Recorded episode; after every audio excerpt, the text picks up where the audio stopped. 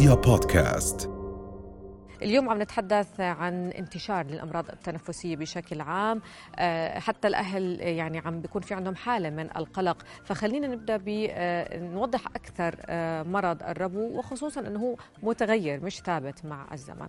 نعم مرض الربو هو أحد الأمراض التنفسية المزمنة فهنالك حتى نهاية عام 2019 260 مليون حالة ربو في حول العالم. وأيضا أدى إلى وفاة حوالي 460 ألف حالة وفاة حول العالم. فلذلك هو مشكلة عالمية تهتم فيها منظمة الصحة العالمية ووضعت لها خطط وبروتوكولات.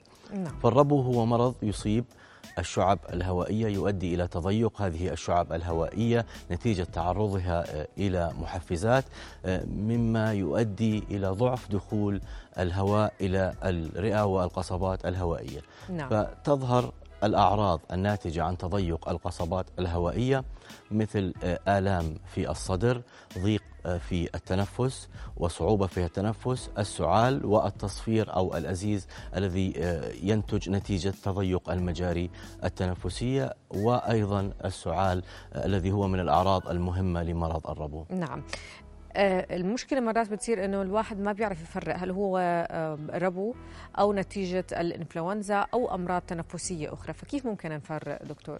آه، اولا الأمراض التنفسية تتشابه في الأعراض، فالأعراض التي ذكرت في البداية هي تحدث في معظم الأمراض التنفسية، لكن مرض الربو هو ينتج نتيجة آه، تعرض الإنسان إلى المحفزات ويكون لدى هذا الشخص قابلية لحدوث هذه الحالة.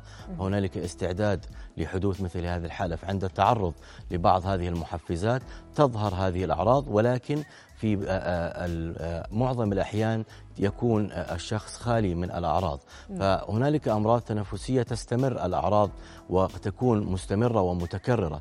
أما في الربو فهذه الأعراض تكون متقطعة فتظهر في فترات معينة وتختفي لفترات معينة وهذا معتمد على مدى تعرض هذا الشخص للمحفزات التي تكون موجودة في المحيط حوالي هذا الشخص. نعم.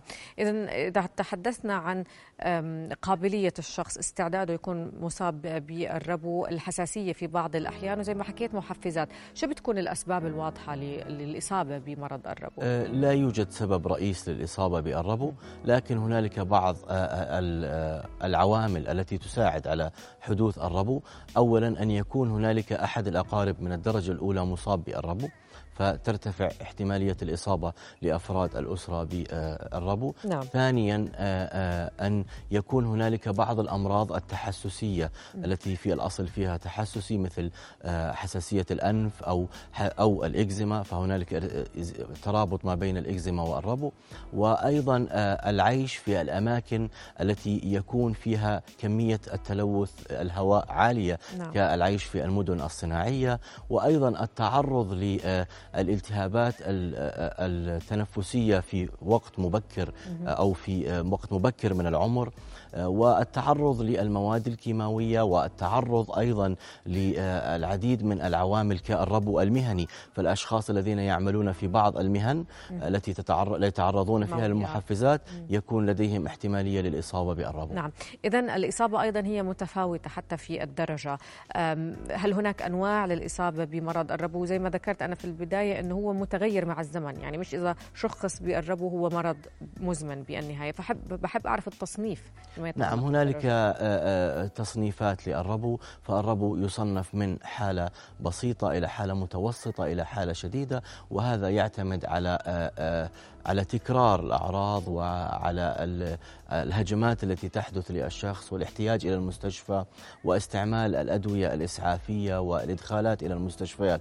فيتم تصنيف حالة الربو بناء على التشخيص من الطبيب المختص في هذا المجال من خلال أخذ سيرة مرضية مطولة وإجراء الفحص السريري واحتمالية إجراء صور شعاعية للصدر لتمييزه ما بين الأمراض التنفسية المزمنة الأخرى وإجراء فحص كفاءة للرئة. لكن يجب أن نعلم أن السيرة المرضية هي أهم نقطة في تشخيص مرض الربو فهؤلاء الأشخاص يذكرون أنهم يت... عندما يتعرضون لبعض المحفزات تحدث لديهم هذه الأعراض والمحفزات متعددة مثل كما ذكرنا الروائح الحادة والقوية المواد الكيماوية الغبار والأتربة فهم يتأثرون بالتغيرات والتقلبات الجوية التعرض لفراء بعض الحيوانات فمثل هذه المحفزات هي التي تنتج عنها حالة الربو من السعال وصعوبة في التنفس وأزيز في الصدر نعم.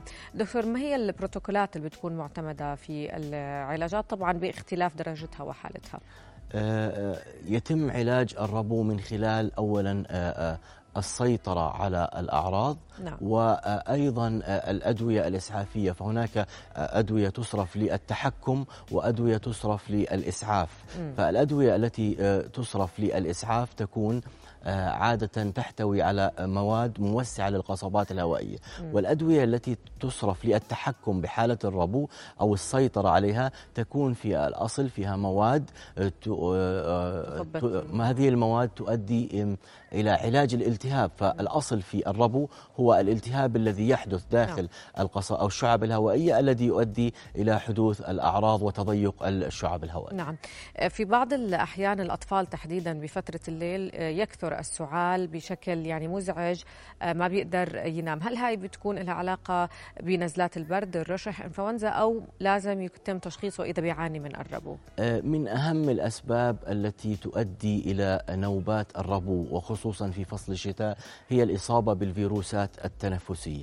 لكن في بعض الحالات وفي بعض المنازل هنالك ما يسمى العث المنزلي وهذا العث المنزلي يتواجد في السجاد يتواجد في الستائر. فلذلك يذكر بعض الأشخاص أنه عندما يدخل إلى غرفة النوم يشعر بهذه الأعراض يسعل فنحن نطلب منه دائما وضع ستائر معدنية إزالة السجاد وخصوصا وتنظيفه بشكل جيد لأنه هذه تؤدي إلى حدوث نوبات الربو. فيجب الاهتمام بالوسط المحيط نعم. لأنه كلما ابتعد الشخص عن المسببات والمحفزات للربو كلما استطاع السيطرة على حاله. نعم. التبخير دكتور هل هي تعتبر حل؟ وخصوصا أنه في بعض الأحيان نلجأ إلى الكورتيزون يعني نلجأ إلى تثبيط المناعة. هل برأيك هذه حلول ناجعة بشكل عام؟ أه نحن نستخدم عدة مواد لمعالجة الربو كما ذكرت موسعات الشعاب الهوائية ومضادات الالتهاب كمادة الكورتيزون.